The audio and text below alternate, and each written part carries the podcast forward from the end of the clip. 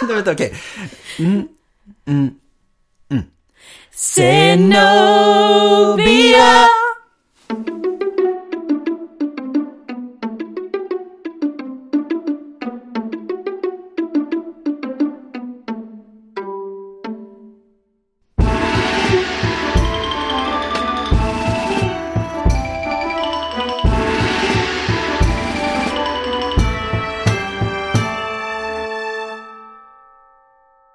Hej och välkomna till Podius Castus, en podd om antiken. Vi som sitter här, det är jag, Hanna. Ja, Angelica. Och jag, Adam. Och dagens avsnitt kommer att handla om Zenobia, Österns drottning. Eh, Kan vi få lite bakgrund till det här? Vi har kris i romarriket under mitten av 200-talet efter vår tideräkning. Och vi ska säga det också att alla årtal som följer härefter kommer vara efter. Nästan alla. Nästan alla. Nästan alla. Vi De säger, till, flesta. vi säger till när det inte är det. Ja. Om vi inte säger något så är de efter. Ja. Och under den här krisen då, då så kommer e- kejsarna i Rom att ersätta varandra mer eller mindre på löpande band. De här interna maktkamperna, som då främst rör den kejserliga tronen, de leder också till att andra, utomstående makter försöker utnyttja det här kaoset. Bland annat så bryter sig Gallien och andra delar av Västeuropa loss och bildar ett eget rike, eh, centrerat då kring Gallien, Storbritannien och Spanien. Och goterna, de genomför flera plundringståg in i romerskt territorium. Och sen så har vi i östern också ett pånyttfött persiskt rike, sassaniderna, som trycker på ifrån öster. De ser, ser helt enkelt sitt tillfälle här att nu har vi möjlighet att bli självständiga igen. eh, Så nu kör vi. Det är liksom sagt interna maktkamper som bara leder till att andra ser sin chans. Mm, Ja, rimligt ändå. Försöka roffa åt sig en bit av kakan som sagt var. Ja, varför inte? Och sen så är det så att hela rikets överlevnad då just i öst, om vi håller oss kvar i östern, eh, det skulle inte komma att hänga på Rom, utan på staden Palmyra. Och vad är då Palmyra för någonting? Jo, Palmyra är en förhållandevis liten handelsstad mitt smack i den syriska öknen. Precis mitt i det som är moderna Syrien också för den delen. Och Palmyra skulle då under en kort period komma att dominera så gott som hela den romerska östern. Och under denna period så skulle också en kvinna komma att bli en av hela världens mäktigaste personer.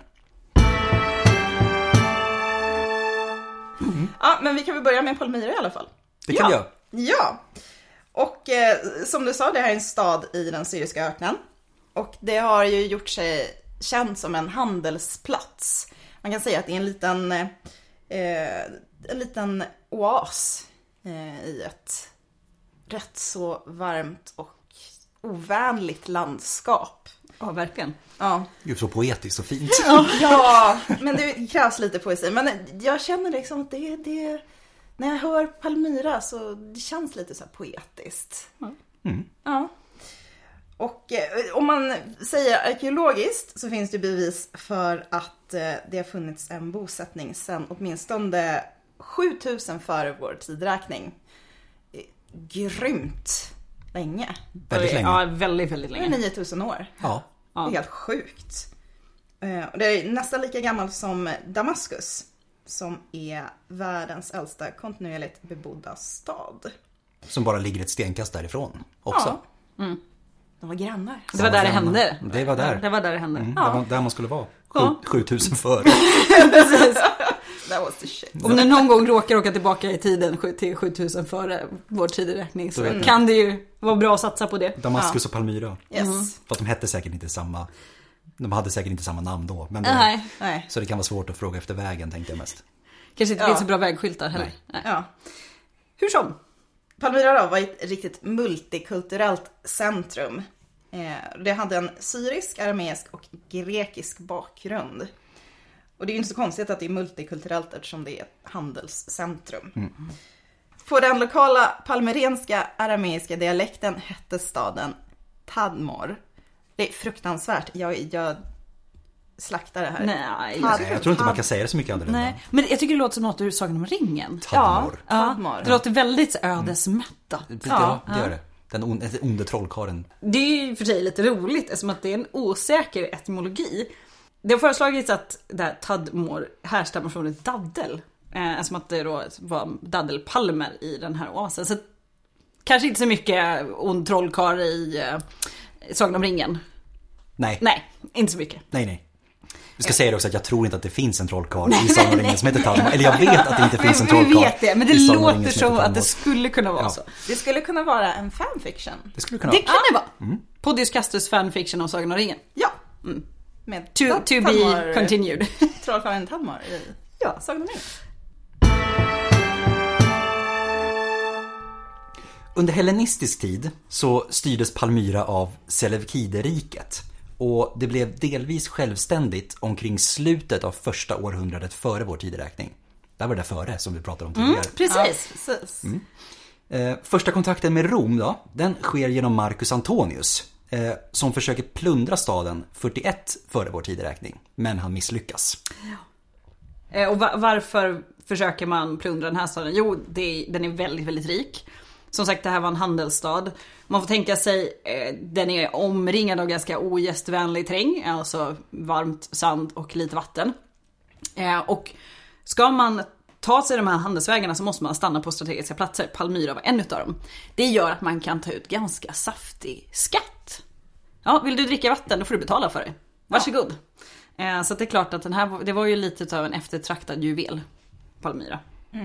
Vid tiden för Tiberius regeringstid då, då var ju Palmyra underställt Rom. Eh, det här skedde inte genom erövring, utan Palmyra accepterade själva den här romerska dominansen, så att säga. Och romarna de placerade en garnison i stan och eh, ja, beskattade befolkningen. Det är väl trevligt, få lite Ja. extra pengar. Eh, men annars så tillät de ju eh, Palmyra att styra sig självt. Så det var väl ganska, ja, förutom beskattningen, lite så här win-win. Och staden blomstrade. Och som vi redan har sagt så det är en stad främst uppbyggd kring handel och i de här oaserna så möts de båda, alltså karavanlederna från väst och öst möts liksom i mitten. Eh, Men staden den ligger också precis vid gränsen mellan Rom och Partien. Och Partien det var ju det som ja, ersatte mer eller mindre de hellenistiska kungadömena i östern. Eller i alla fall Mesopotamien och bortåt. Bortåt Indien sett. Eh, Och är ju då liksom en av Roms största rivaler just i det det östra medelhavsområdet. Om vem som ska ha det största herraväldet liksom över, över landet där. Och, men det var i Palmyra då som de här rivalerna sen möttes för att idka handel. Så att partiska handelsmän kom till Palmyra och mötte romerska handelsmän som då kunde göra affär med varandra så att säga. Och de vill ju göra affärer med varandra. Ja, För herregud, det, ja. det, det var ju ändå viktigt, även om man inte gillade varandra så måste Ja. man ju kunna köpa saker av varandra. Man måste ju komma ihåg att alltid när det är, alltid när det är sådana här typer av konflikter så är det ju på toppnivå. Det är Ja. ju inte på liksom den lägsta lägsta nivån så det är inte det att liksom, den lille bonden vägrar prata med en partisk bonde på något sätt. Liksom. Nej, Utan Det är nej. Mm. ju, Det är på lite högre. ja. Oftast kanske man inte ens visste om att man låg i krig med varandra utan det var liksom, man körde på med, Ja. med sitt dagliga arbete. Ja. Sitt dagliga slit. Precis. Men Palmyra de handlade också med kuststäderna i Syrien och de importerade bland annat kryddor och siden från Arabien och Kina. Och då en del av den inkomsten, de är ju liksom genom tullar då, då. Eh, de skickades till Rom. Men en betydande del kunde de också behålla själva och det var ju då som sagt var som, ja, de blev rika på det här också. Och staden den var vida känd i romarriket. Rom- Många, det finns många textkällor som pratar om Palmyra som platsen där allting kom ifrån mer eller mindre. Det var där Mm. allt ifrån östern kom ifrån. Ehm, Hadrianus han reste ju runt mycket i romarriket och han besökte Palmyra. Kejsaren Eh, Hadrianus, Ja, ja. Mm. ja exakt, precis. Eh, och det är liksom en utav, ett av hans stopp då så att säga. Bevisar ju också liksom hur viktig staden var om kejsaren faktiskt bemödar sig att komma dit. Ja, för det går ju inte så här supersnabbt att resa eh, under den här tiden. Så att, och det är ju ändå lite farligt. Ehm, men det, ja. det var ju säkert väldigt häftigt att vara där i och med att eh, Även om många av de här varorna till slut tog sig till Rom så i Palmyra kan man ju se, säkert se mycket, mycket mer och samlat på en och samma plats. Absolut. Eftersom att det var ju farliga res, eller handelsvägar och det var nog ganska mycket som gick förlorat på vägen. Eh, arkitekturmässigt då? Vi har ju redan sagt att det här var en multikulturell stad och en mix och det är det även eh, på, i arkitekturen. Det är grekiskt, eh, det är persiskt eller partiskt och romerskt. Så att det är liksom väldigt blandat. De har bland annat ett- ett grekiskt agora, alltså torg. Eh, och sen så var det största templet i staden tillhör den semitiska guden Bel eller Baal. Baal kanske man uttalar honom. Det måste ju verkligen ha varit så om man kommit dit som handelsman. Samtidigt som det är väldigt annorlunda ens eget hem så måste man ju känt igen saker. Men det borde ju ha funnits något för alla. Ja men precis. Ja. Precis som det är i många sådana städer idag. Att Ja. det, det finns en kristen kyrka, eller kanske en luthersk kyrka, en katolsk kyrka, det finns en moské, det finns... Alltså, finns, samlas det mycket människor så, så tar man ju med sig en bit av sin kultur. Ja, precis. Såklart. Och man kan ju också tänka sig att det fanns många så att säga, enklaver med typ Mm. handels, handels, fasta handelspositioner, handelsplatser. Mm. Ja. Eller typ, någon typ av ska man säga, emporier liksom. Där man kunde, alla som kommer från en viss plats hade sin lilla, sin lilla byggnad i staden dit man kunde liksom, Mm, precis. eh, inackordera sig för natten och såna här saker. Och man kanske också, det kanske var någon in- inflyttad som hade bosatt sig där för att catera till just eh, si- sina egna landsmän för de vet vilken typ av mat de vill ha. Precis som man gör idag. Det är ju lite häftigt och, och sådär. Om man har varit ute och rest länge så får man prata med någon som pratar ens eget språk och förstår ens se- sedvänjor och man kan skratta åt alla andra. Ja, Och, men precis. Precis. väldigt allmänmänskligt helt enkelt. Men om vi då pratar hur, hur staden styrdes. Den, vi pratade ju om att den lämnades fri från romerskt styre, alltså rent centralt så att säga i alla fall. Eh, och den staden kunde styra sig själv. Och hur gjorde den då det?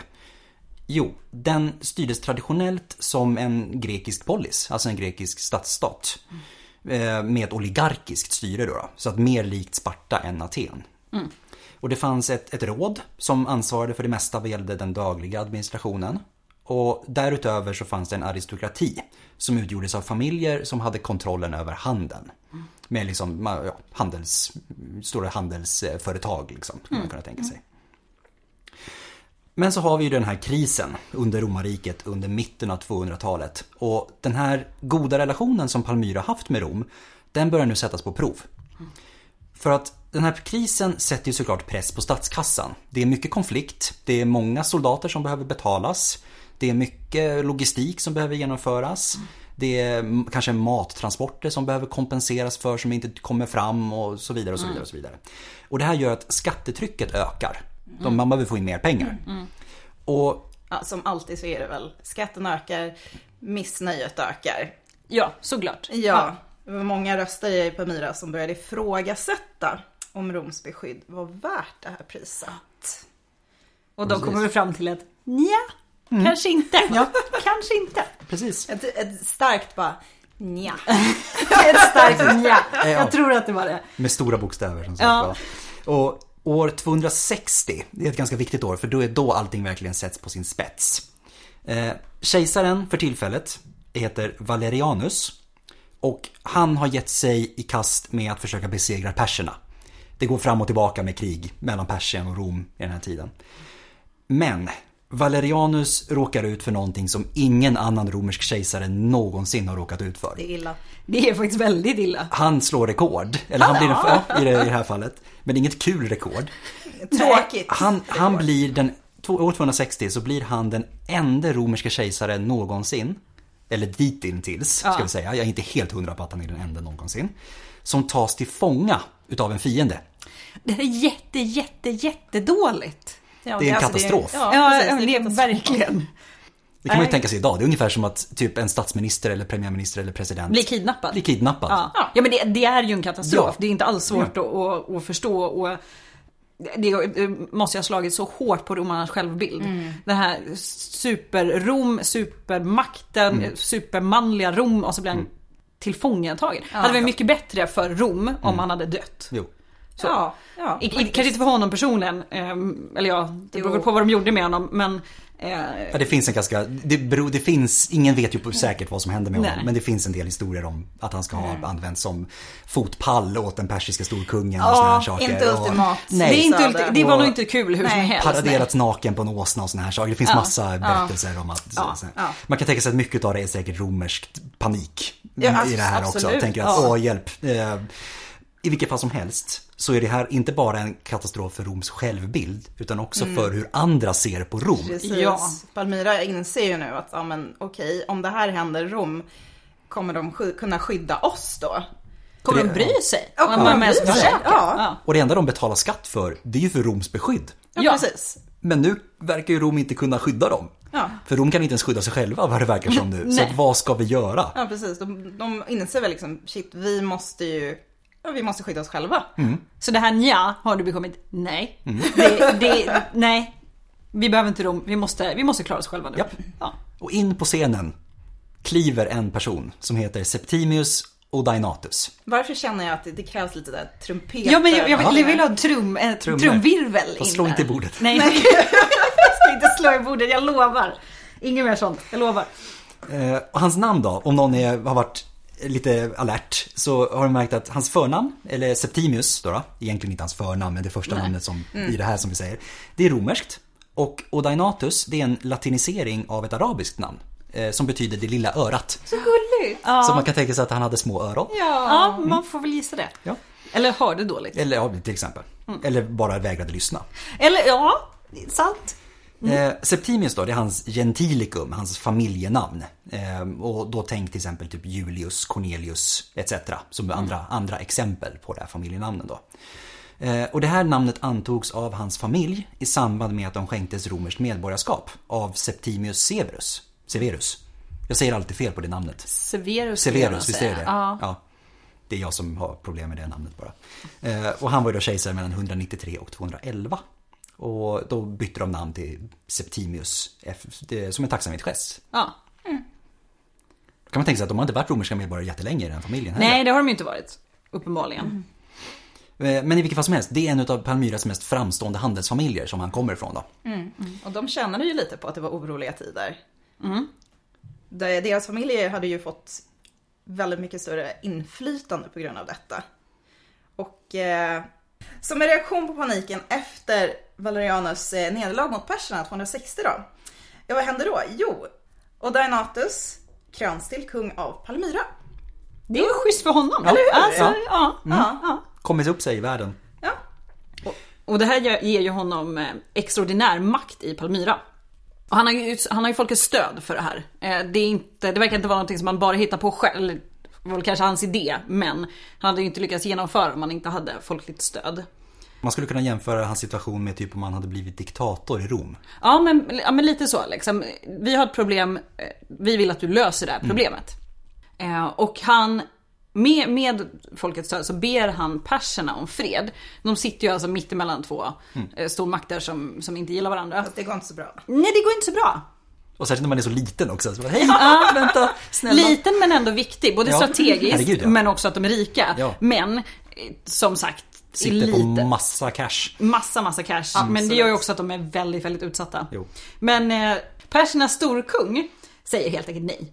För han vill ha Palmyra. Mm. Han vill inte ha fred, han vill ha det. Ja, han vill ha pengarna. Ja. Han ska ju föra krig. Och det är Ja. någonting man behöver när man för krig så är det pengar. Ja, absolut. Men Vad, vad gör Odaenatus då? Jo, han vänder sin uppmärksamhet tillbaka mot Rom. Hur ser det ut i Rom då? Jo, i Rom så styr nu Valerianus son, Licinius Gallienus. Han är nu kejsare och han har ju blivit kejsare vid helt fel tidpunkt. Är det, någon, Lite synd om är honom det, är det ändå. någon gång man vill bli kejsare så är det ju inte nu. Nej. Jag ser honom stå där med en tejprulle Typ så. och gråta. Med silvertejp och bara, Det här funkar inte. fan. Och han måste ju hålla ihop riket nu. Och han har f- händerna fulla. Och då kan man ju tänka sig att nu kommer någon som säger att "Ja, men jag kan ta hand om alla de här provinserna borta i öst. Ja, det är lugnt. Jag Åt tar dig. hand om det. Jag fixar det. Åt dig. Åt- precis, exakt. Mm. åt dig. Ja. Herregud. Eh, Och det är det Odaenatus gör. Han säger att ge mig extraordinär makt att f- sköta det här nu. Och Gallienus säger såklart absolut, självklart, gör vad du vill. Med gråten i rösten. Lite så. Eh, Jag har problem här borta. Så att han utnämner Odaenatus till Dux Romanorum, alltså en romersk militärledare. Som han får utöver sin kungatitel. Så att han, han har nu liksom all romersk auktoritet att utföra, eh, utföra det här kriget då mot perserna.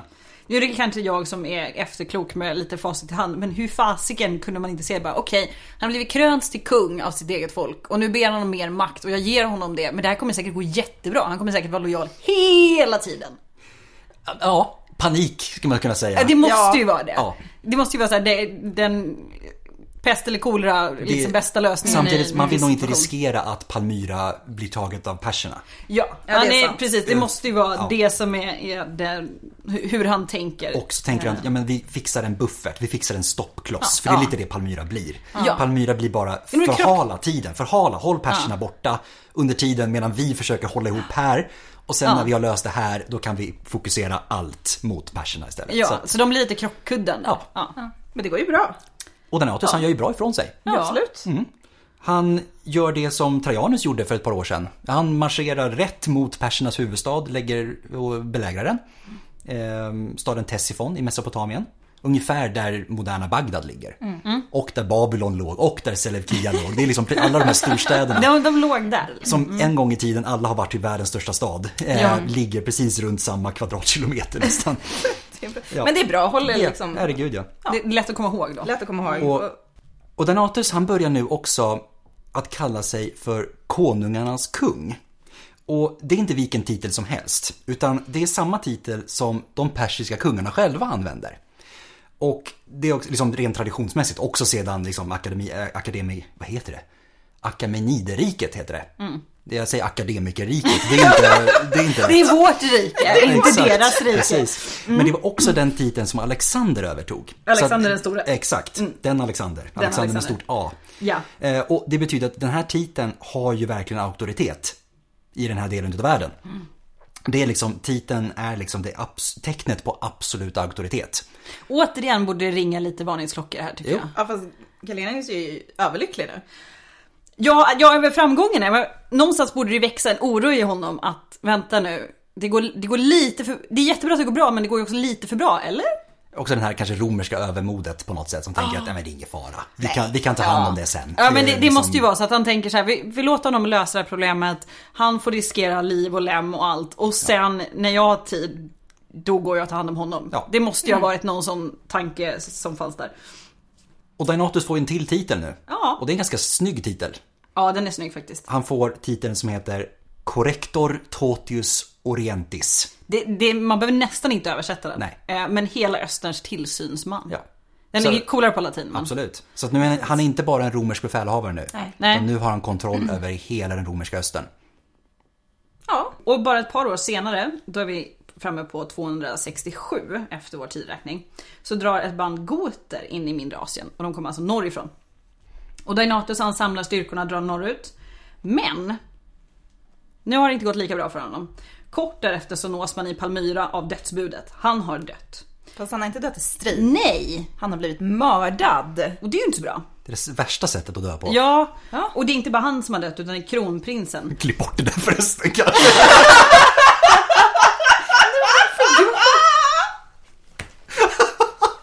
kanske lite okänsligt vad jag säger. I det här sammanhanget!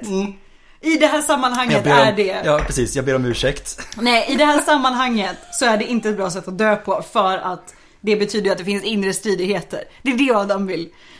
Ja, Ja, I så, väldigt, väldigt kort eh, sammanfatta. ja, Exakt. så Odenatus och eh, kronprinsen är nu döda. Vad heter kronprinsen? Kronprinsen heter Septimius Herodes. Och den, man har faktiskt hittat den skyldiga här. Det var alltså Odainatus eh, bror eller systerson Maionius som hade mördat honom. Eller de två, det var inte bara Odainatus som dog. nej. Eh, och han, när han, han grips så påstår han då att Odainatus har förlämpat honom och därför måste han mörda honom. Det är ju liksom rimligt. Du sa någonting dumt, jag måste sticka en kniv i dig. Ja, absolut. Ja. Det är så jag löser alla mina konflikter. Det är bra att veta!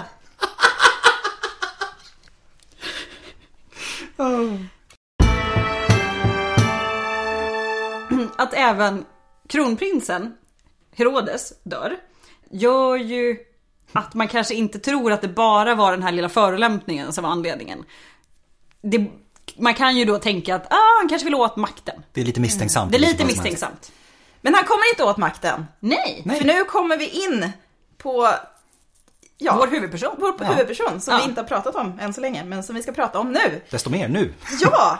Eh, eh, eller ja, först så ska vi väl säga att eh, i Palmyra så fanns ju en yngre son till Odeonatus. Prins Vavalotus.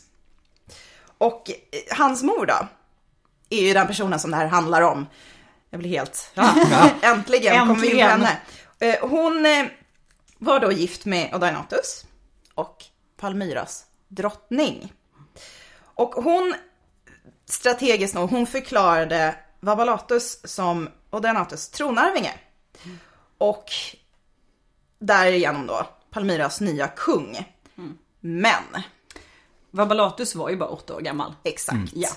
Eh, Så att eh, hans mor då, Zenobia, hon tar på sig för, eller förmyndarskapet för honom. Det är, ju- hon säkrar ju sin egen ställning genom att göra det här. Mm. Ja. Såklart. Eh, Och som första åtgärd så, så lät hon ju avrätta mördaren. Ja. Det är ju rimligt. Eller Ja. Liksom, ja. Och Palminas drottning, Zenobia, har ju då på något sätt säkrat sin position. Japp.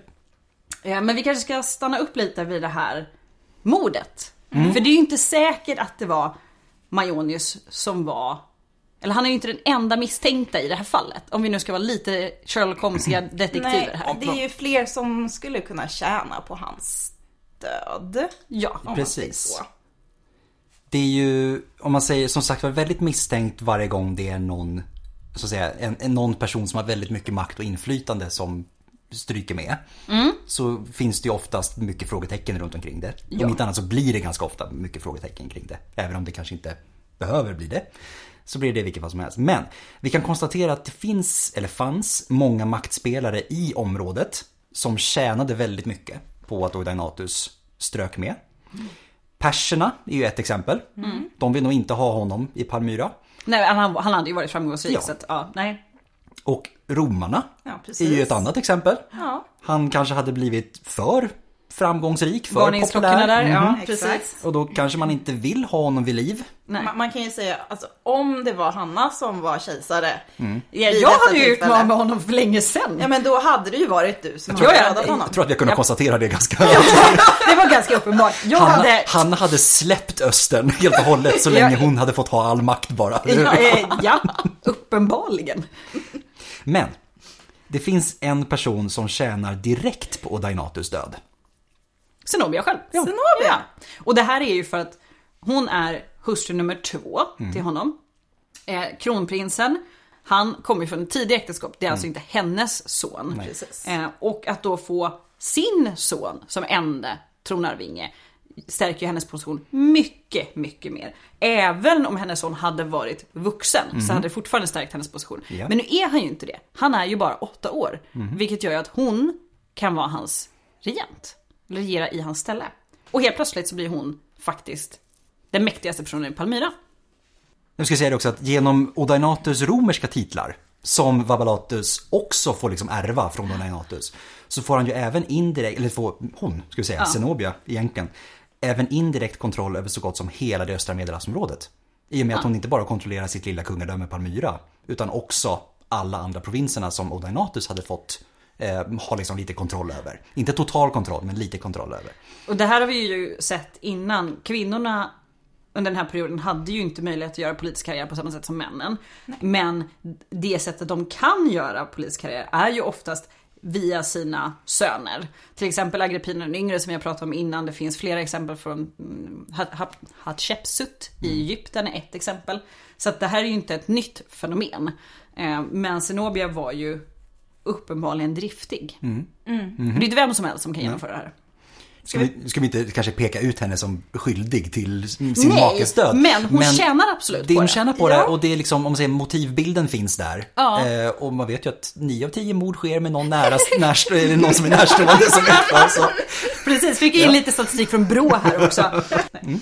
Nej, vi vet ju inte om det var hon som mördade eller lät mörda Odainatus eller någon annan. Men hon tjänar absolut på det. Absolut. Hon- Det här hade ju kunnat sluta väldigt dåligt för henne. Men hon agerade så pass snabbt att det löste sig. Hon visste direkt vad hon skulle göra. Ja, precis. Mm. Och an- Suspicious. så antingen så var hon förberedd eller så var hon kvicktänkt. Snow. Ja. Mm. Det behöver, ja, precis. Och det ena behöver inte utesluta det andra. Nej, precis. Men hur som helst så sitter hon nu där. Ja, Ja, då ska vi prata lite om själva personen Zenobia. ja. Det tycker jag. Vem är hon? Vem är hon? Ja, hennes namn, det vill säga, eh, det är grekiska, Zenobia. Det betyder den vars liv kommer från Zeus. Och det, vi kan också konstatera att det är ganska många i den antika världen vars liv kommer från Zeus. Eh, ja, typ alla. Men Eh, så- hon ja. lite mer än andra. Ja, precis. Eh, men på det, hennes arameiska modersmål då, så var hennes namn Batsabai. Och det är Sabais dotter. Ja. Så att då kan vi ju sluta, kanske kom, sluta oss till att hennes pappa hette Sabai. Ja. Mm. Men vi kommer fortsätta kalla henne för Snobia som att... eh, Herregud ja, absolut. Så hon är mest känd för oss. Precis. Hon är Ehm, född i Palmyra. Eh, omkring år 240-241. Men vet inte så himla mycket om henne, eller någonting egentligen om hennes Nej. familj. Eh, man kan ju anta att hon tillhör en av Palmyras rikare familjer. Eh, och hon verkar ha fått en väldigt god utbildning. Hon talade flytande grekiska, egyptiska och latin övers, utöver sitt modersmål. Då. Men och det är ju ganska tråkigt att vi har så lite. Vi har i- ingen källa som beskriver hennes barndom. Nej. Eh, absolut inget kvar direkt från henne själv. Nej. Eh, utan man, ska man pussla ihop hennes liv så får man se på det man vet om hur det var att växa upp i Palmyra. Mm. Under den här tiden, hur det var för kvinnor. Eh, så tyvärr, så man hade ju önskat sig en dagbok eller något. Ja, absolut. Mm. Eller kanske bara en palmyreisk källa. En på palmyreisk Ja, källa alltså, hade varit absolut. bra. För de flesta källor vi har, de kommer ju inte från Palmyra. henne. Mm. Nej. Nej. Eh, ska jag säga det också att när hon var omkring 14-15, alltså runt 255, Ja. eh, år 255 då, då eh, det är då hon blir bortgift med Odainatus. Och hon var ju då hustru nummer två. Precis. Eh, och det här var väl som ni säkert har förstått om ni har lyssnat på andra avsnitt, ingen kärleksmatch kanske. Utan det är ju strategiskt helt enkelt. Pengar, pengar, pengar. Ja. Ehm, Det betyder ju inte att det nödvändigtvis var ett dåligt äktenskap. Eh, Men han var ju betydligt äldre än henne. Mm. Eh, Men de, och de får i alla fall en son. Och nu är vi då framme 260-talet, 267 tror jag det är, han, han dör. Så att de har ändå varit gifta ganska länge. Ja precis. Det är ja. ändå 12-13 Ja. år. Tyvärr finns det ju inga samtida statyer av henne. Nej. Vi vet att det har funnits statyer. För det finns eh, statybaser med inskrifter på. Så de har funnits, men de finns inte kvar idag. Men det finns ju avbildningar, Ja, fast på mynt. precis. Och, men de ser man ju oftast då från sidan, det är inga Ja, nej men precis. framifrån porträtt.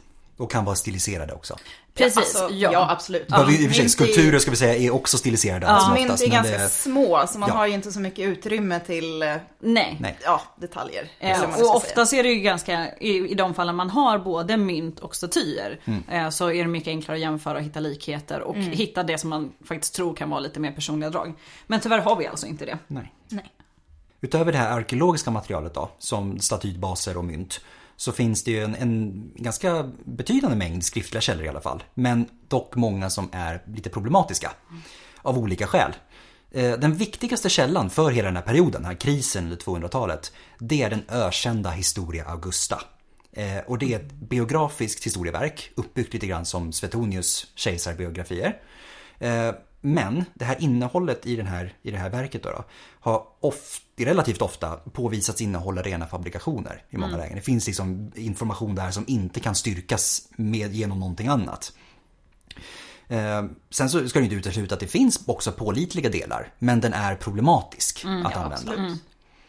Eh, annars så är det främst bysantinska källor, alltså ganska långt mycket senare källor eh, som gäller. Mm. Till exempel eh, historieverk skrivna av Johannes Sonaras och Sosimos. Mm. Eh, de här baseras då, ska vi säga, på äldre bevarade källor som vi inte har tillgång till idag. Obevarade källor.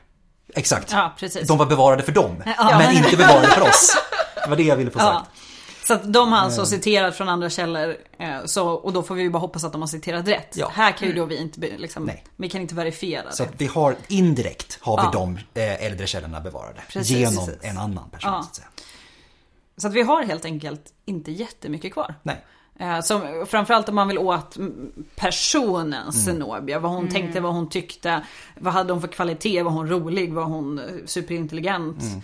Eh, ja. De finns inte. Nej, de finns tyvärr inte. Jag skulle säga det också som sagt att i och med att det är biografiskt historieverk, Historia Augusta, så figurerar hon ju som en, bi, en, en andra, jag ska säga, bikaraktär till kejsarna som är huvudpersonerna. Precis, de, till rom- männen. Mm. de, de romerska kejsarna. ja. Det är ju deras biografier som hon figurerar i. Ja. Eh, som en karaktär då, så att säga.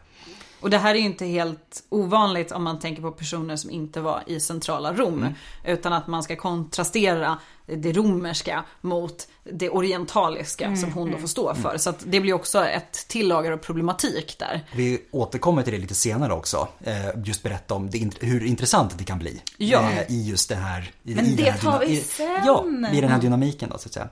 Men Zenobia, hon är ju nu, hon är inte jättegammal heller ska vi säga. Ju vid det här Nej. tillfället. Hon är ju född omkring 240. Mm. Så att nu borde hon, hon är ju under 30. Ja, hon är ju typ 27. Ja. Någonstans, lite beroende på när hon föddes. Så vi har henne, då har vi bilden av henne framför liksom. Och, Ja. ja. Eh, Men just den här bilden då, den börjar hon, hon börjar tänka på sin egen image Mm. nu. Och börjar liksom strukturera den kring den här makt, eh, den, som makthavare då. Hon börjar kalla sig själv för Österns drottning. Och hon ska också ha påkallat släktskap med de hellenistiska kungarna, de hellenistiska ku- eh, kungasläkterna.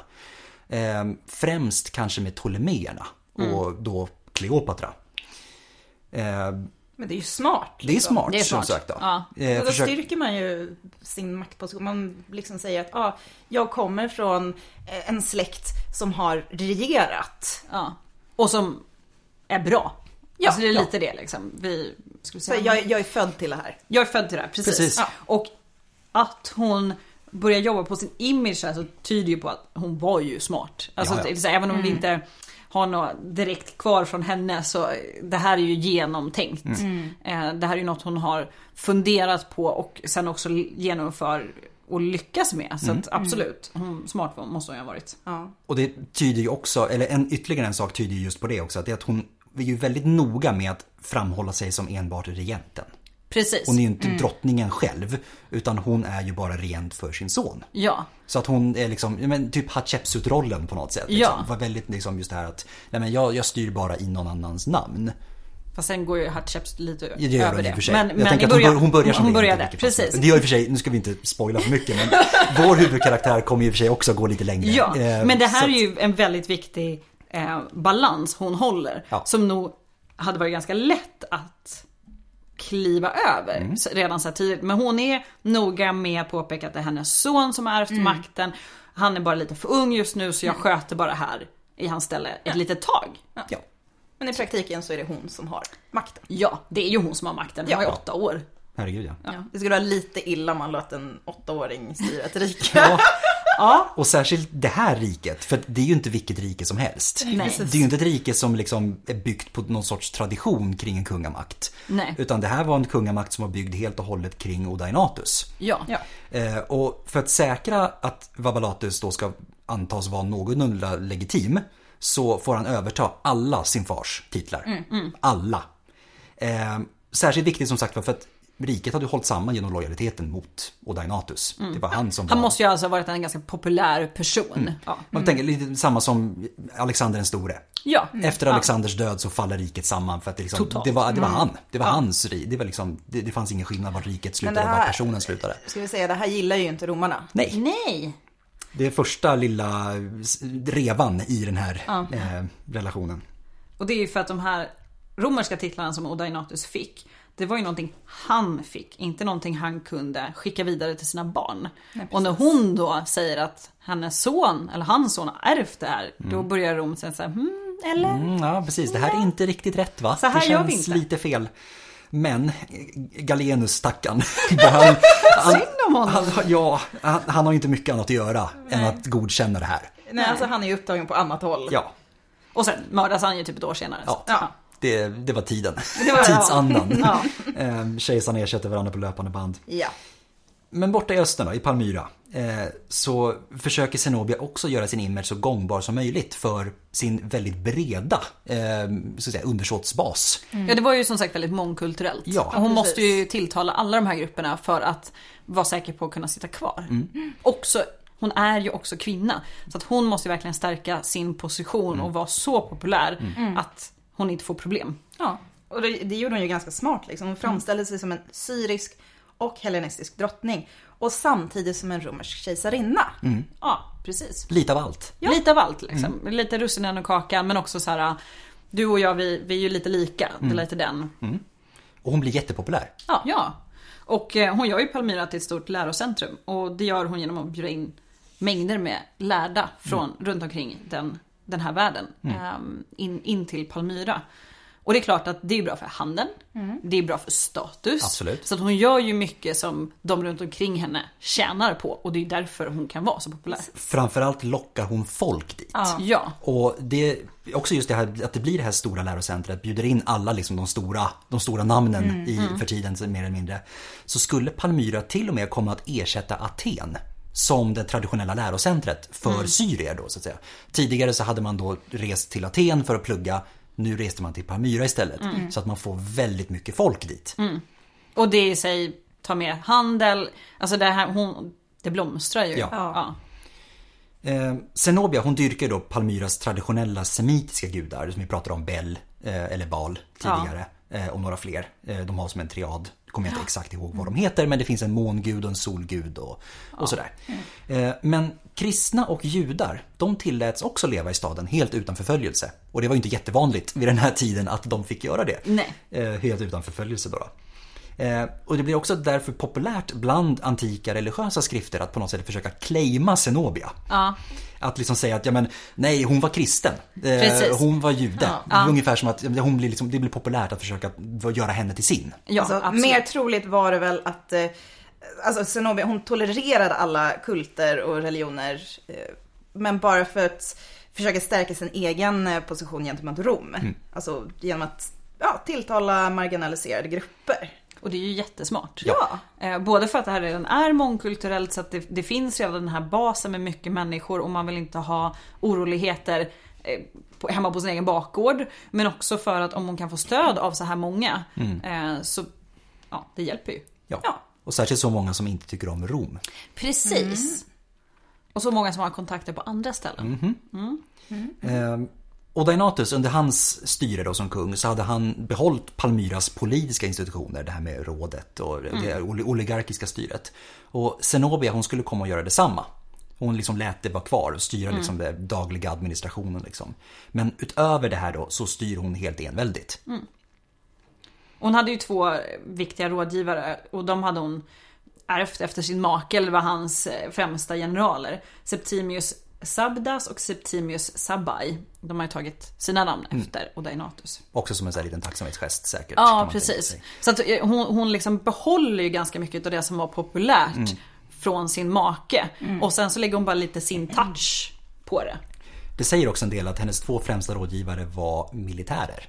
Ja, För det kommer att bli viktigt. det kommer att bli viktigt. Hon är ju strategisk här. Mm. Tänker jag. Hon, hon, hon vet åt var det barkar. Precis. Under sina första år vid makten så fokuserar hon på att stärka gränsen mot perserna. Det är ju jäkligt smart. För det är där. Det är, Ja. det är det första man måste tänka på. Ja, eh, verkligen. Och då, då var det så här flera gränsfort som förstärktes och eh, nya som upprättades. Eh, Och det är ju extremt viktigt att hålla gränsen. Mm. Eh, Och eh, år eh, 269 så antar Vabalatus segertiteln Persicus Maximus. Den stora segraren över perserna. Eller den stora persersegraren eller något sånt där, vad ska man beskriva det som. Och det var så stuckit i ögonen. Ja. Ja. Ja, Det pekar ju mot att att det också utkämpat strider. Ja, absolut. Och att perserna på ett eller annat sätt då har stoppats. Mm. Man, har, ly- man har lyckats få till något, något form av fredsfördrag. Men 270 då så går ju Palmyra på offensiven. Nu har, det varit, nu har det varit lite för mycket defensivt ett tag. Nu måste vi växla upp igen. Vi har stoppat perserna. Nu fokuserar vi på det andra. Mm, och hon ger sig ut över eh, Syrien och tvingar stad efter stad att underkasta sig hennes styre. Och man, hon rör sig även söderut och tvingar de romerska arabierna att falla in i ledet. Ja. Den stora skillnaden mellan Odaenatus och Sinobe var ju att Odaenatus agerade inom det romerska ramverket. Det gör ju inte riktigt hon. Nej. jag inte Nej. det. För Odaenatus, han var ju en, han var ju en dux romanorum, han var romersk militärledare. Utnämnd av kejsaren med det här extraordinära kommandot för att hålla ihop riket i öst. Han var kung över Palmyra men han styrde inte direkt över de romerska provinserna. Han hade liksom det här kommandot att kunna ha kontroll över till exempel de militära resurserna som fanns i provinserna. Men han var lite, som vi sa, lite mer så här diktator. Om det behövs så får du lösa problemet. Precis. Men du ska inte göra så mycket för dig själv.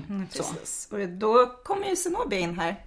Och då hon tvingar ju istället provinsen att svära trohet åt Palmyra och Vabalatus istället för åt kejsaren. Alltså indirekt åt henne. ja. Men, Mm, ja. Ja, ja. Eh, och- ja. Det gillar man ju inte hemma i Rom. Nej. Eh, och och det här... Alltså man tänker att det måste ha varit väldigt stridigt men det verkar som att det har skett utan speciellt stort motstånd från de olika ståthållarna eh, i, i de här provinserna som Zenobia lägger under sig. Sen är ju frågan om hur frivilligt det var. Hon, hon verkar ju uppenbarligen ha lett en ganska stor Hon hade ju Odaenatus makt kvar så att Precis, säga bakom. ja. Hans makt var militärisk så att man kan absolut. Ja. tänka sig att ställer man 50 000 man utanför och säger underkasta er Så gör man det. så gör man det. Ja. Eh, Eh, Och dess, de, alltså dessutom så var ju hon ju populär och så, hon hade de här enorma resurserna. Hon hade ju pengarna och det, är ju- det spelar ju väldigt stor roll. Mm. Absolut. Ehm, så att, ja, det var ingen större motstånd men de kanske inte var superglada heller. Mm. Nej, precis. Och det, kom, det finns ju saker som tyder på att de inte var helt nöjda med det här som Nej. kommer sen. Ja. Ja. Men varför gör hon det här då? Det finns Det är ju ju- flera olika förklaringar. Som man skulle Olika gissningar. Ja, men precis, Ja. man skulle kunna tänka sig i alla fall. Ja. Eh, ett par. Eh, ska vi ta en var? Vad så, gör det så Mm. snyggt. Ja, absolut. Kör du först där då. Eh, om vi tar då möjlig förklaring nummer ett. En, att man behövde helt enkelt en aggressiv politik för att säkra Vabbalatus legitimitet. För att Odaenatus hade ju, han hade ju själv inte ärvt något. Och det fanns liksom ingen tradition att stödja sig på. Så att man behövde vara aggressiv, man behövde jobba för någonting. Mm. För att Vabbalatus då så att säga skulle kunna ja, legitimera att han fanns. Precis. Ja, och möjlig förklaring nummer två. Eh, det var ju så att Rom ansågs ju inte vara kapabelt att försvara provinserna längre. Det var ju, ja, det var ju kaos. Och för att behålla stabilitet i öst så behövde ju Palmyra ta kontrollen helt enkelt. Och möjlig förklaring nummer tre. Det är ju att politisk kaos är helt enkelt inte så bra för handeln. Eh, Och för att behålla sin största inkomstkälla, hela levebrödet, hela Mm. tänkte säga poängen med Palmyra, men det måste ju ha känts så för dem. Jo. Så behöver det finnas ordning och det här måste helt enkelt hon lösa. Och där sitter romarna ju förvirrade. Ja, Mm. Ja, precis. Vad är det som händer? Vad gör de för Ja. någonting? Och de här, alla tre kan ju ha spelat in. Ja, ja, herregud ja. Eh, Ja, men- ja herregud, ja. absolut. Men, men det finns ju alltså skäl. Mm. Hon behöver inte bara ha varit maktgalen. Det finns ju absolut skäl för henne och de runt omkring henne. Mm. Det kan ju också vara så att hon har- har eh, de runt omkring, de närmsta runt omkring henne i Palmyra helt enkelt ville det här också. Absolut. Ehm, Man får ju också tänka det att Odaenatus, som sagt var, han kände ju uppenbarligen att hans lojalitet låg mot Rom. Men kanske av nödvändighet också att det blev Mm. Han kanske inte tvingat så. hann. Nej, Han kanske inte hade, ja precis. Göra någonting annat heller. Men i vilket fall som helst så är det tydligt att Zenobia känner att hennes lojalitet ligger först och främst mot Palmyra. Ja, Och inte mot Rom. precis. Hon måste säkra Palmyras intressen. Eh, Och det, ja, det är väl där hon ser sin möjlighet. Mm. Eh, Och det, det är det ju liksom. Det är ju Palmyra hon kan ha stöd. Det är där hon är känd. Hon är kvinna, hon har en annan position från början. Mm. Eh, Så att om hon kan stärka Palmyra och dessutom göra Palmyra till ett stort rike. Ja. Vem skulle ifrågasätta henne då? Nej. Eller hennes Ja, son för den delen. Precis, absolut. Eh, Så att eh, det kan nog, ja, det fin- måste ju ha funnits många olika anledningar men Mm. det b- kan ju inte varit så ologiskt ändå det hon gör. Men som sagt var, här har ju då romarna alltså en, en som fortfarande är allierad på pappret. Men som nu börjar bete sig väldigt märkligt. Helt plötsligt börjar Mm. Ja. hon gå- börjar gå runt eh, och liksom t- kräva att romerska städer, romerska ståthållare svär trohet åt henne. Istället för åt kejsaren. Jag- I i och för sig förstår jag inte riktigt vad de är förvirrade över. De har ju varit med om det här förr. Jo. Det är bara Man får problem. tänka, de, de har väldigt mycket just nu. De har, de har Det är lite, de väldigt har lite mycket. stressigt, det Ja. är sant. De har lite Eh, stressigt. Men det är också det här på inskrifter på milstenar, alltså stenar som markerade hur hur många mil man var ifrån en, en stad Mm. och sådär. Så börjar Vabbalatus att omnämnas med fler romerska titlar än vad han ärvde från sin pappa. Mm. Och det är, det är inte bara vilka titlar som helst. Nej. Det är ju, Konsul och imperator. ja. Och konsul, där vet vi, det är ju konsultstiteln. Mm. Och imperator är då helt enkelt någon som har kommando, ett, be- ett romerskt Precis. befäl. Och det här börjar ju då antyda att eh, Zenobia kanske faktiskt gör anspråk på Rom. Mm. Eh, Så att nu, nu finns det ju anledning för romarna att börja fundera på verkligen Mm. vad, vad det är som händer. För att hon utgör ju, eller börjar utgöra ett väldigt stort hot mot Rom själv. Precis. Men nu är det så att den här personen, han som hade låtit mörda stackars Galenus. eh, så han blir ju också, i fråga, han blir också åsidosatt nu. För det vet vi, kejsarna de ersätts på löpande band just nu. Eh, och det är en ny kejsare nu, samma år, 270, som eh, beträder tronen. Eh, och det är en, också en nyckelperson i det här dramat eh, som utspelar sig. Och det är Aurelianus. Ja. Och Honom kommer vi eh, få anledning att återkomma till. Precis. För just det här året, 270, så kommer kanske det djärvaste beslutet av dem alla. Mm. Det är som ett väldigt Zenobia- händelserikt år. Det, ja, det, händer, det är ju en ganska kort period vi pratar om. Ja, det händer det är det. väldigt, väldigt mycket på den här mm, ganska korta perioden. Och vad gör Zenobia då? Jo, hon förkunnar att hennes son Vabalatus numera också är kung av Egypten. Mm. Och Egypten är ju en Mm-hmm. del av det romerska riket och en väldigt viktig del för att där kommer typ all mat ifrån. Typ så. Och det är rikt. Det var ju inte inräknat i det kommando som Odeanatus hade fått. Nej, till det. så nu har hon liksom tagit sig utanför. Både att hon har låtit sin son ärva allt det här som hans pappa hade, som inte nödvändigtvis man kunde ärva. Nej. Sen har hon lagt sig under liksom hela den delen och nu börjar hon gå utanför Ja, precis. den gränsen. Ja, för tidigare hade hon som sagt var bara gått till det som Odenatus ändå hade haft kontroll över. Ja. Men inte kanske styrt direkt. Nej, precis. Men romarna de ville ju liksom inte ge ifrån sig Egypten. Nej. För det var ganska viktigt att ha Egypten. Det här är ju en krigshandling. Ja, herregud, det är ju det Ja, ja, ja, liksom. ja. Så att det, ja, nu finns det ju ingen, det finns ingen ursäkt längre, nu måste romarna agera. Ja. Tidigare hade Zenobia kunnat argumentera för att hon ändå lite grann fortsatte i samma stil som Odenatus. Ja, och de, de tänkte väl kanske att så här, men ty- typ det löser sig sen. Hon skulle kunna ha dött. Det var Mm. Ja. ju inte helt ovanligt. Hon skulle kunna bli eh, mördad av sina egna. Alltså, Mm. det fanns ju så många. Hon kanske nöjer sig. Eh, hon kanske inte är ett tillräckligt stort hot. Men nu är hon Den här, det. stopp, den här stoppklossen har vänt sig. Ja, Och liksom, verkligen. ja. Det är inte längre en stoppkloss. Det är... Nej, eh, ja, ett, ett, Nu är det en ny fiende. Eldgaffel. ja, precis. Okej, men Sonova var ju inte dum för den delen. Alltså hon fortsatte ju ge sken av att vara lojal mot kejsaren. Bland annat genom att de mynt som hon präglade, eh, eller hon präglade inte dem utan hon lät prägla dem. Eh, men de i alla fall, de hade en bild på kejsaren på ena sidan och eh, Vabalates på andra sidan. Mm. Sa jag fel nu? Nej. Nej, Nej. vad bra. Du, du sa helt rätt. Mm. Eh, och Vabalatus på de här mynten är ju stiliserad som en romersk makthavare och inte som ös- en österländsk. Eh, och det är lite politiskt. Han har lagerkrans och såna här Ja, saker. Så han, precis. han, ja, rent stilistiskt sett så är han fortfarande romersk. Ja. Precis. Men om man säger, alltså varför anföll hon då Egypten? Ja. Vad händer? Det var ju de här tre anledningarna. Tre, ja. Alltså verkligen. tre känns som ett Tre, bra det magiska, det, siffra. ja, det är en bra magiska magiska siffra, siffra. absolut. Ja. Vi kör samma ordning igen då. Ja, kör. Eh, tre, möjlig förklaring nummer ett. Att säkra de här handelsvägarna som gick via Alexandria. Alexandria var ju, Ja. eh, eller Egypten överhuvudtaget, där var det mycket handel och en väldigt viktig plats. Mm. Och det är väldigt mycket som kommer uppifrån, ska säga Rö- Röda havet sett. Och Precis. tar sig via Alexandria vidare över Guld från Medelhavet. Nubien och ja. Japp. Mm. Och jag håller mig till min förklaring här att Rom ansågs inte kapabelt till att försvara provinserna. Ja. Och möjlig anledning nummer tre. Ambition. Ja. Hon ville ha mer. Hon går, på, hon går ju på offensiven nu. Hon går ju Så faktiskt på På ett offensiven helt nu. annat sätt än vad hon Ja. gjort tidigare. Och varför inte? Ja. Det, redan under hennes tid finns det ju ganska gott om exempel om kvinnor som har tagit makten, haft makten och finns regerat ganska länge. Mm. Eh, varför skulle hon inte kunna göra det? Ja. Absolut. Och det finns ju också en möjlighet, ska man säga. Ja. Hon är, ju inte- hon liksom, det är ju inte bara det att hon, att hon attackerar bara för attackerandets skull. Nej. Utan det är ju ett oroligt Egypten som hon beger sig in i nu. Oroligt Rom, där det är stökigt. Ja. Mm. De har problem från flera olika håll. Så att det här är ju ett lä- Om man nu ska ta sig an Rom så är det Jo, här ett läge. herregud, ja. Mm, Hon har säkrat upp gränsen mot perserriket redan. Eh, Hon har den här makten, hon har pengarna, hon har soldaterna. Och som du säger ett oroligt Egypten. Ja. Eh, Så att man ska ju inte tänka på den som bara en maktgalning som bara go crazy. Utan Nej, alltså det här är ju strategiskt. Det är ju strategiskt, som, som sagt hon är ju smart. Och grejen är att Egypten är ett jättebyte. Ja. Ja. Får man kontrollen över Egypten, då lig- har man kommit väldigt långt. Men det är lite som i... i eh, vad fan heter den? Robin Hood, Disneys Robin Hood. När han smyger in i kungens sovrum och bara så här guld överallt. Det är lite samma liksom. Så det, det är han- sovrummet gånger Ja, eh, precis. enormt. Ja.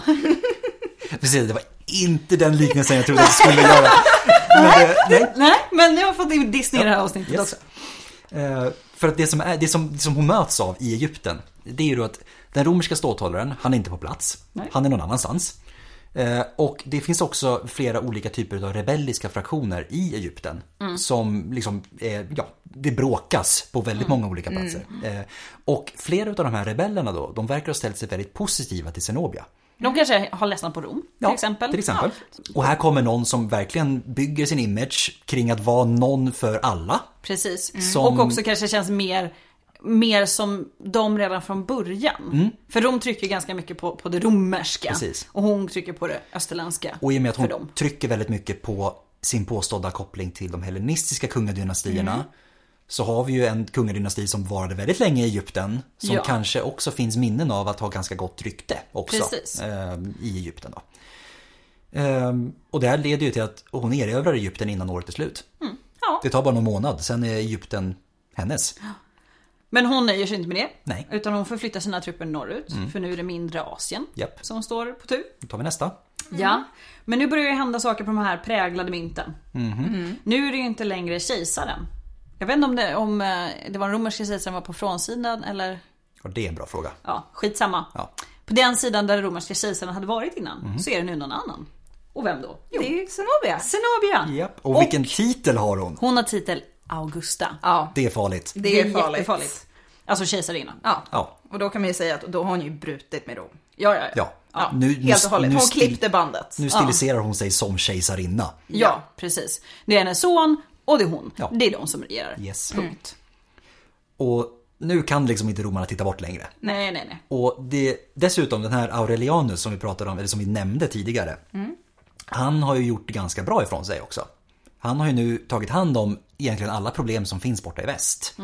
Så att nu känner han att nej nu tusan, nu har det gått för långt, nu kan vi ta itu med det här. Så att år 272, alltså två år efter det här superåret 270 får vi väl kalla det. Så reser han österut. Yes. Det här är ju lite oturligt för Zenobia, Mm. för hade det fortsatt varit problem i väst hade det kanske slutat på ett helt annat sätt. Eh, Men för romarriket så föll det ut väl. Palmyra och Zenobia kan vi konstatera var ju nu public enemy number one. Verkligen. Och Aurelianus han sveper in i Syrien. Eh, Och stad efter stad överger Palmyra och går tillbaka till Rom. Och här kan man ju då tänka sig att både Rom är en jättemakt, men de kanske inte var helt sugna på Palmyra innan. De visste vad de fick lite med romarriket. Eh, Så att de kanske inte var helt missnöjda när Aurelianus kom tillbaka.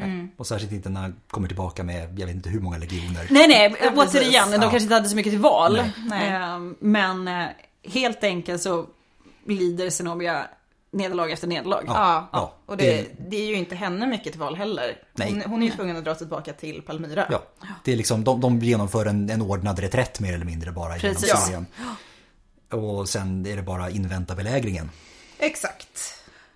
Hon försöker ta sig ur det här, eh, så hon sänder bud till perserna och ber om en allians. Men de är inte så sugna på det. De är nog ganska nöjda med att se Palmyra och Rom förstöra sig. Jaha. Själva mer eller mindre- Zenobia också ja, lite. verkligen. Ja. Ja. Ja. Nope, vi tänker sitta och titta på. Ja, Och, alltså, jag menar, hon sitter där i Palmyra, väntar på romarna, hoppas väl att romarna inte ska klara sig genom öknen precis. för att det är varmt Mm. Ja. och Jobbigt. jobbigt. Så blir hon väl inte så himla glad när Aurelianus till slut eh, når Palmyra Mm. och belägrar staden. Och nu blir det ju ett personligt utmattningskrig nästan mellan både Aurelianus och Zenobia. Eh, ingen har egentligen övertaget. Visst, Aurelianus belägrar staden, men han verkar inte varit, känt sig tillräckligt säker på att kunna ta den helt Nej. och hållet. Så att han tänker att men vi, vi tar det säkra för det osäkra och väntar ut den. Men han befinner sig mitt i öknen. Mm. Precis. Mm. På andra sidan världen sett från Rom. Och vi vet ju att den här tiden är inte det mest stabila Nej. rent politiskt. Så att ju längre han väntar med att ta Palmyra och återvända Mm. eh, till Rom, ju större blir ju risken att någon annan eh, tar tronen från honom. Eller Precis. förklarar sig till kejsare istället för honom Ja. någon annanstans. Eller att till exempel Gallien bryter sig loss igen borta i väst. Mm. Ja. Till exempel. Och Zenobia, hon har ju bara allt att förlora på att vänta för att ju, mer, ju längre hon blir belägrad, ja det är ju inte bra att bli- att bli belägrad. Nej. Till förr eller senare så tar det ju stopp. liksom. Det här måste ju varit väldigt, väldigt speciellt just som att det är det här landskapet som är Alltså belägring är ju säkert aldrig speciellt kul men det här är ju extra svårt. Så tillgång till vatten, tillgång till föda.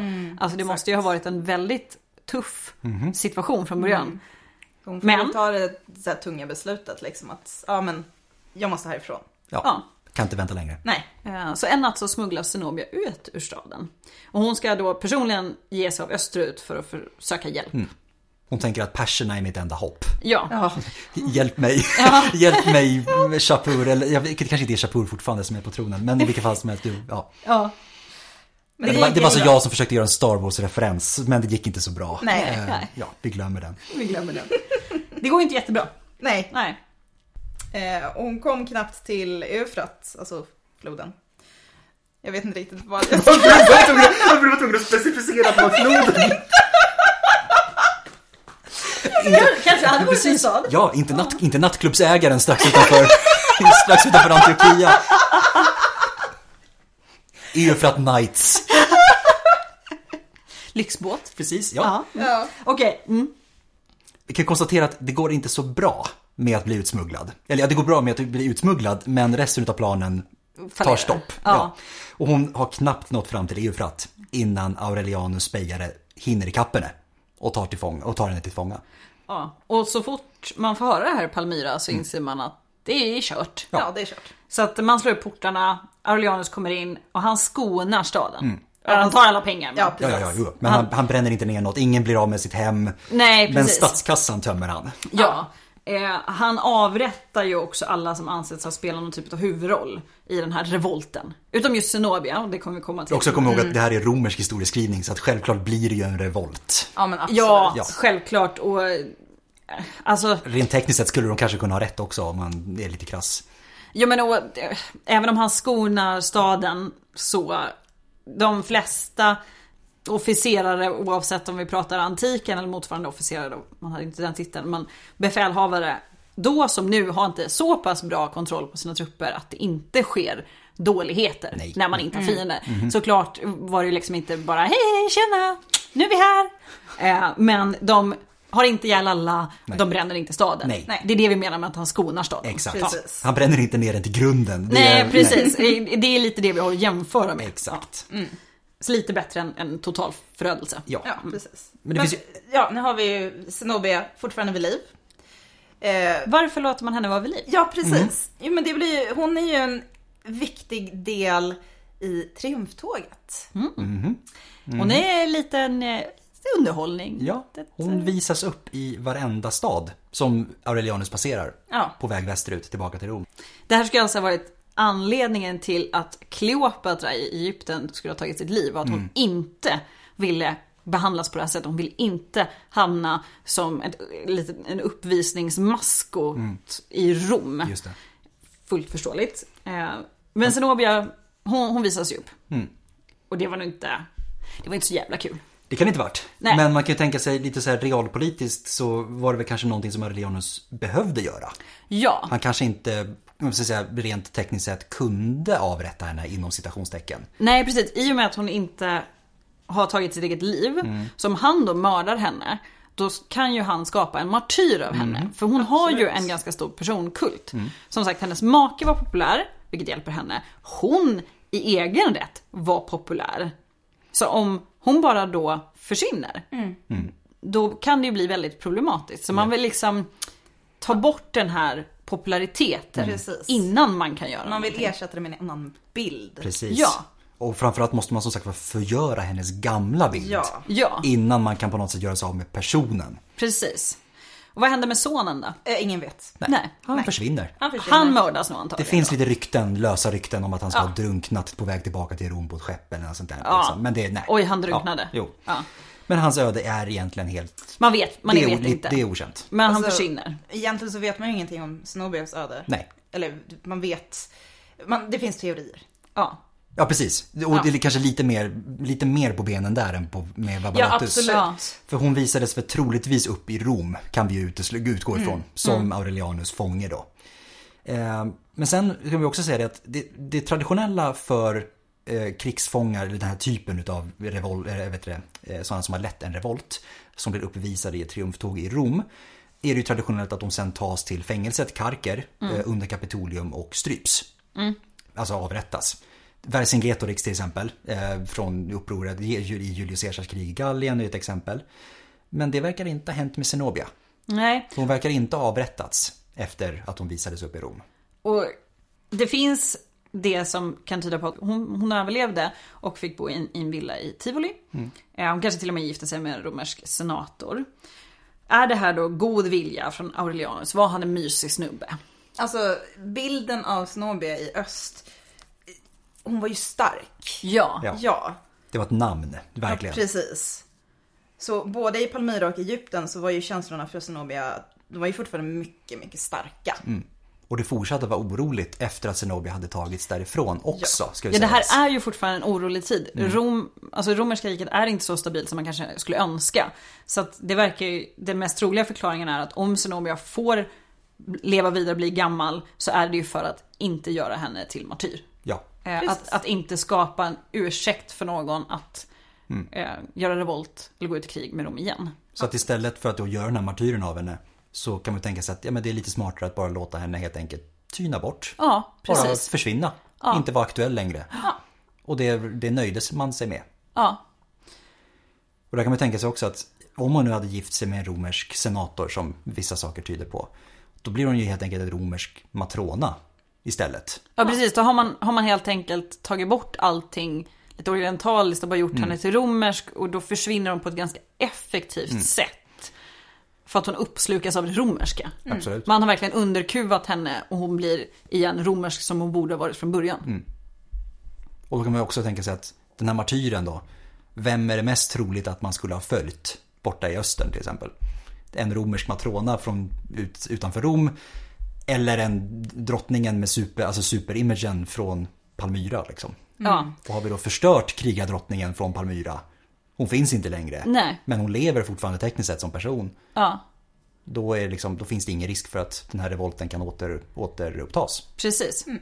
Så att det, det är väl mer troligt att det är rent strategiskt. Ja.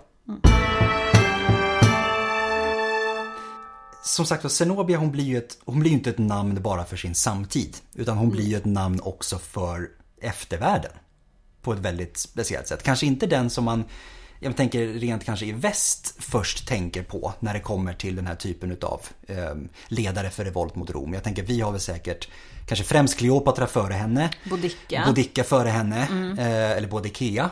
Boudicca, Boudicca, ja. ganska säker på. Jättebra, tack.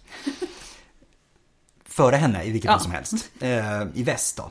Men däremot är det ganska raka motsatsen i Mellanöstern Precis. Mm. istället. Hon har i vilket fall som helst kallats för eh, av liksom olika då historiker för en av historiens mest romantiska figurer. Det är väldigt mycket så här romantik kring henne. Det Just är, det här. det är väldigt poetiskt. Det är väldigt poetiskt väldigt mycket, och särskilt väldigt mycket så här nationalromantik kring henne absolut. Mm. på något sätt. Eh, Som den här liksom motståndaren till den imperiella makten på något sätt. Precis. Och hon har inspirerat akademiker, musiker, konstnärer, författare. Ända sedan antiken och framåt. Och framförallt i Mellanöstern. Ja, och hon ställs ju ofta då bredvid Kleopatra och Boudicca. eh, Som de här heroiska drottningarna som på något sätt ibland lite tvingas till att ta makten, gör det jäkligt bra och sen så blir det lite tragiskt öde. Precis. Mm. Inte mindre än åtta operor har skrivits om Zenobia. Mm. Det är en del. Så det skulle man vilja se. Ja, vi har det på Mm, Tyvärr så är det inte någon av de här stora eh, tonsättarna. Nej. Typ så här Puccini eller någon sån här. Nej. Utan det, är- det är lite därför säkert som de inte heller är så framstående idag. Liksom. Nej, precis. Eh, Och hon har sett som en frihetskämpe. eh, En förkämpe för de nedtryckta. Och det kan man ju tänka sig att den här imagen hon odlade, att Mm. hon tillät så många olika kulturer och religioner verkligen har underlättat för den, det arvet att leva kvar genom tiden också. Verkligen. Och så också som en så här nationalsymbol i, i Syrien då. då. Eh, och då Den moderna staten Syrien. Mm. Där hon väldigt tidigt blev en ikon bland just nationalister under 1800-talets andra hälft. Mm. Så hon blev liksom det här lite, den här romantiska historiska figuren på något Ja, sätt som man precis. tog lite inspiration från. Och, och sådär. Men sen blev hon också en förebild för Katarina den stora, alltså tsarinnan av Ryssland. Det är lite häftigt. Mm. Det är lite häftigt. Det är liksom det är verkligen sådär apart. Mm. Ehm, och hon blev faktiskt också en feministisk ikon i den arabiska världen. Mm. Och då är vi inne på 1930-tal. Precis. Och så har hon skildrats i tv-serier och eh, så har hon funnits på syriska sedlar. Men lite kul. Mm. Ja. ja. Men som vi nämnde tidigare så mycket av det här arvet har ju såklart då styrts av de antika källorna. Och där har vi ju särskilt Historia Augusta. Eh, Mm. Den som vi pratade om innan. Precis, och just det- det här biografiska verket som är, väl, det är ökänt. Det är väldigt ökänt och det är väldigt problematiskt. Men det, ro, det är ju roligt. Det är ju roligt, kul. absolut. Ja. Eh, Och det, det är inte helt värdelöst, Nej, men man nej. måste vara medveten om det. Man måste, man måste attackera det källkritiskt. Ja, precis som, i all, verkligen, men precis som i allting annat. Ja. Men särskilt det här. Ja, men skulle jag här säga. behöver man eh, kanske ta ett extra lager, eller en extra titt Ja. Mm. ibland. Alltså beroende på vilken kejsare det är så framställs ju Snobbias karaktär annorlunda. och det är jätteintressant. Ja, Det är superintressant. Och det ska man säga också att den romerska historieskrivningen, eller den antika historieskrivningen överhuvudtaget, den är ju inte som historia vi tänker idag. Utan det, det, är liksom, det är en produkt av 1800-talet, det är historien vi har idag. Tidigare, eller i alla fall kanske främst under antiken, så var historia ett skönlitterärt ämne snarare än någonting annat. Och det var framförallt väldigt moraliserande. Och det var ju ofta beställningsverk. Mm. Alltså det är inte, eh, de här romerska böckerna som vi pratar om som är Historia Augusta, det var ju inte en forskare som satt ner och så här tänkte nu ska jag beskriva allt exakt som det har varit med, med olika källor och, och jag ska vara källkritisk och jag ska prata med folk och, och jag ska åka och besöka platser. Mm. Utan det var ett beställningsverk och så skrev man det man tyckte var bra. Och så ställer man personer mot varandra för att få- visa på kontraster. Exakt. Till exempel. Och man ska också förklara, om man säger då, om det går dåligt för någon. Om vi har svart på vitt att ja, men det här kriget förlorade vi då och det, den här personen gjorde dåligt då och då. Mm. Varför? Jo, det måste finnas en moralisk grund i det. Precis. Och att till exempel, att- och det är också orsaken till varför till exempel att Caligula, Nero, Domitianus, varför de här är så otroligt svartmålade idag har väldigt mycket att göra med just den här moraliserande historieskrivningen. Ja. Behöver inte utesluta att det faktiskt finns ett korn av sanning i det. Men att det blir så, ot- man går så otroligt all in när det verkligen liksom blir på det här. Eh, Just det här, men som sagt man ska förklara alltihopa med deras karaktärer. Är det någon som man inte tycker om eller någon som gör någonting dåligt någon gång, då är det fel på dens karaktär. Och det befäster man ofta genom anekdoter. Ja. Och de här anekdoterna är, har idag ofta blivit sanning. Mm. Som att Nero stod och, och spelade lite musik när han brände Rom. Ja, Eh, Caligula och hans häst. k- till exempel, det Mm. är flera sådana grejer som har kommit från den här typen av verk. eh, Som kanske inte alls hände, som man bara har li- lite sådär snappat upp. Det är en kul historia, den kan vi dra igen. Ja. Och det gäller ju självklart också de här kvinnorna. Absolut. Jag ska ta en till grej också som är väldigt typiskt för den antika historieskrivningen och just det här med att man ska försöka belysa karaktärer. Eh, för det första så har man ju fasta karaktärer i ofta fall. Ja, det ja, finns ju ja, som absolut. pa- nästan pantomimkaraktärer som Ja, man ja, liksom ja. återanvänder Ja, eftersom, och passar in verkligen. personer in. Eh, men eh, ett sätt som man verkligen avslöjar vilken karaktär man har är genom tal. Ja, Och då kanske inte tal som då finns kanske historiskt belagda, utan tal som man låter sina huvudkaraktärer i historien hålla för att visa vilken sorts karaktär de är. ja.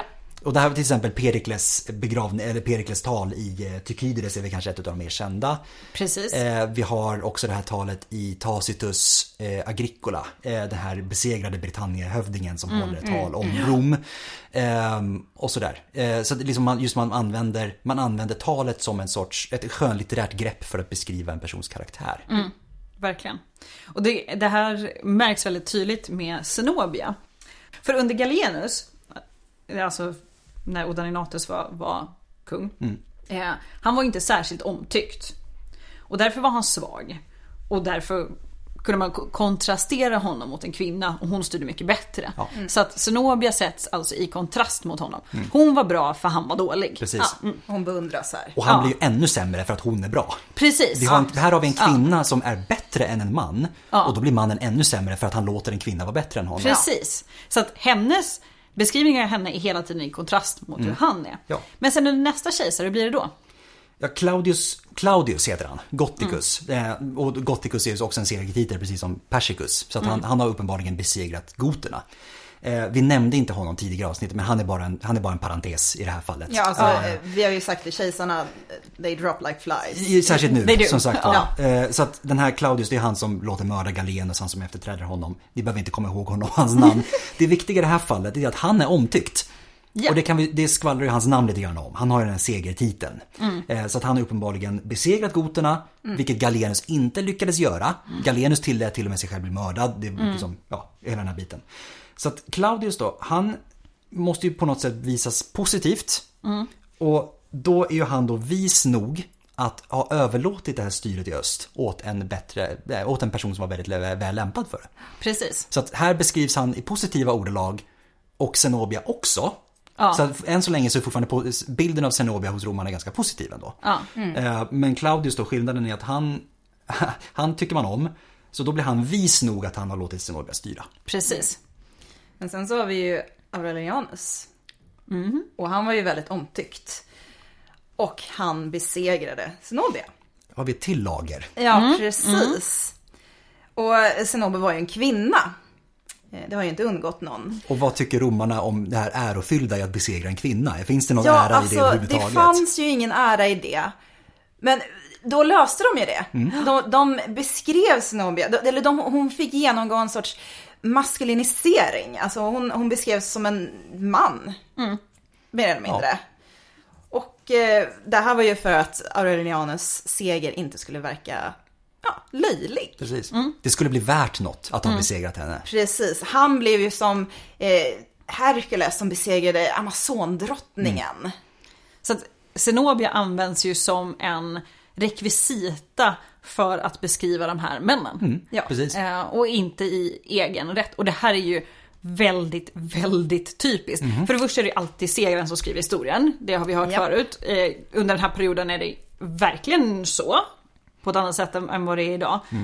Men eh, det blir så tydligt med de här kvinnorna för de används ju ko- som en kontrast mot männen. Mhm. Tycker man illa om en man då kan man också g- göra kvinnan stark för att då är han svag. Mm. Eh, ja, hon, hon är helt enkelt bara eh, en liten extra prop. Ja, precis. Som sen tynar bort. Tyna bort. Någon, i- Kanske troligtvis då utanför i Tivoli, någon villa. Ja. Samtidigt då som Aurelianus, han blir restitutor orbis, återställaren av världen. Och han blir också Dominus et Deus, herre och gud. Ja. Kul för honom. Eh, Så att ja, kontrasterna, kontrasterna mellan som sagt var resultaten av den här revolten är lite... Men som sagt var, det var, det var ett par år som det hände väldigt mycket på. Det, hon, så hon styr ju bara mer eller mindre i fem, fem sex år. eller sådär. Eh, Men hon lyckades med mycket. det händer mycket. Det händer mycket. Det är Och- väldigt intensivt. eh, Och det är en vä- period som sagt var som ofta blir förbisedd Ja. också. Ja. Eh, Vilket är lite synd, för att det händer väldigt mycket roligt under den här tiden. Det gör ju det. Eh, Och hon är ju en otroligt intressant person. Mm. Ja. Eh, Och det är synd att vi inte har så mycket alltså, egna källor från henne. Och från Palmyra för att Ja. veta Ja, ja. hur hennes styre i övrigt var. Ja, men Precis. Mm. Hur precis. hanterade hon, hon matförsörjning? Hur, han, Ja. hur hanterade hon skatt? Så, sådana grejer. Eh, men det är också synd att hon inte är lite mer av ett hushållsnamn. Ja, men, ja, verkligen. Och det kan man också säga att hade hon existerat under någon annan tidsperiod utan den här tiden, där man var så upptagen med så mycket annat Mm. än att skriva ner vad som hände, så hade hon säkert varit lite mer framträdande. Jag tänker, hade hon, nu hade hon kanske inte dykt upp och haft den möjligheten att dyka upp Mm. Nej. Mm. om inte de här omständigheterna existerade. Men säg att hade hon existerat istället för Bodic- Bodica, Mm. så hade ju säkert hon varit mer, mycket mer ett hushållsnamn. Ja, Eh, precis. ja, det- Och att eh, nu, vi sitter ju här i Sverige, i väst, Zenobia höll ju inte till här. Så att där har man också lite valt att sålla bort henne. för Verkligen, att, eh, verkligen. Mm. Både kvinna och från öst. Hon är i vilket fall mycket mer framträdande i området där hon verkade, Ja. Mm. eh, även idag. Ja. Än vad man, äh, utanför, så att säga, i väst. eh, I vilket fall som helst. Men, Men, som sagt, eh, vi, vi tänker snarare Kleopatra än eh, Zenobia. Precis, vi gör ju det. Eh, Men glöm inte Zenobia, hon var Nej. Nej. väldigt spännande. Ja. Cool tjej. Hon förtjänar en film, gör hon inte det? Jo men det Absolut. gör hon ju! Eh, Hon, för, hon har säkert, nu ska, nu, ska, nu ska jag också visa kanske min... Hon har säkert fått ett par spelfilmer. Eh, bara det att man inte har sett dem. Men för jag att de har tänker att säkert hon- varit hon- lokalt producerade tänker jag typ i syrisk Ja. filmindustri. Men jag tänker att hon skulle förtjäna någon sån här storslagen alltså, miniserie eller så här tv-serie Ja. som är typ så här, 10 avsnitt. HBO. För, ja men verkligen, för det är ju en otroligt spännande person. Det är ju ändå det, det kan ju inte vara svårt att göra den här karaktären så jävla spännande. Det, absolut all, inte. allt finns ju där liksom. Och det finns som sagt, ja, men det, det hade kunnat bli, jag tror det hade kunnat bli en jättestor grej. Det tror jag absolut. Så att eh, HBO. HBO. Jag, jag, jag fixar det. Ge mig Ja. pengar så jag, jag fixar Jag fixar det. We can do it. Eh, Och, och kanske en, en stor spelfilm också. Ja, absolut. En sak i taget. En typ så här, jag tänker så här, vad heter det, sån här gammal eh, fyra timmars mastodontproduktion. Ja, typ men, men inte, inte Lawrence av Arabien, eh, typ Cleopatra med Elisabeth. Men, eh, men då kan man ju önska att de väljer skådisar som faktiskt passar in och inte bara massa vita Inte en Gods of, amerikaner. inte en, vad heter det? Gods of Exodus- Egypt. nej, inte Gods of Egypt. Eh, Den kanske också, men jag tänkte, kanske, jag tänkte på den andra. Eh, som Ridley Scott gjorde. Eh, med Moses och uttåget av, Egyp- ur Egypten. Eh, Gods and Kings. Ja, Ex- Exodus, ja. Mm, Gods and Kings. Och den också. Nej. Så att det efterfrågar vi. Ja. In, nej, inte det. Nej, nej men alltså en, en bättre film än... ja, ja. en bättre film än det. Och in, bättre än Alexander också kanske. ja, verkligen. Men nu tror jag att vi ska sluta svamla. Ja. Så eh, har ni några frågor, önskemål eller annat så får ni gärna kontakta oss. Mm. Vi nås på. Eh, Podiuscastus at gmail.com. Men vi finns på Instagram Och även Facebook. och Och även Facebook. Eh. Yes! Och ska vi säga det också, ska vi vara lite, lite skamlösa och säga att om ni tycker det här är bra, om ni tycker om oss, så berätta gärna för någon som ni också tror skulle tycka om oss. Och g- gilla och följ oss gärna Ja. där du lyssnar på din podd. För det gör jättestor skillnad för oss. Då Ja. får du dessutom väldigt mycket uppdatering och kan vara först med att kanske lyssna också. Precis. Ja. Men vill inte vara det. Nej, precis. Skryta om det. Men med det sagt, på återhörande. Och tack för den här gången.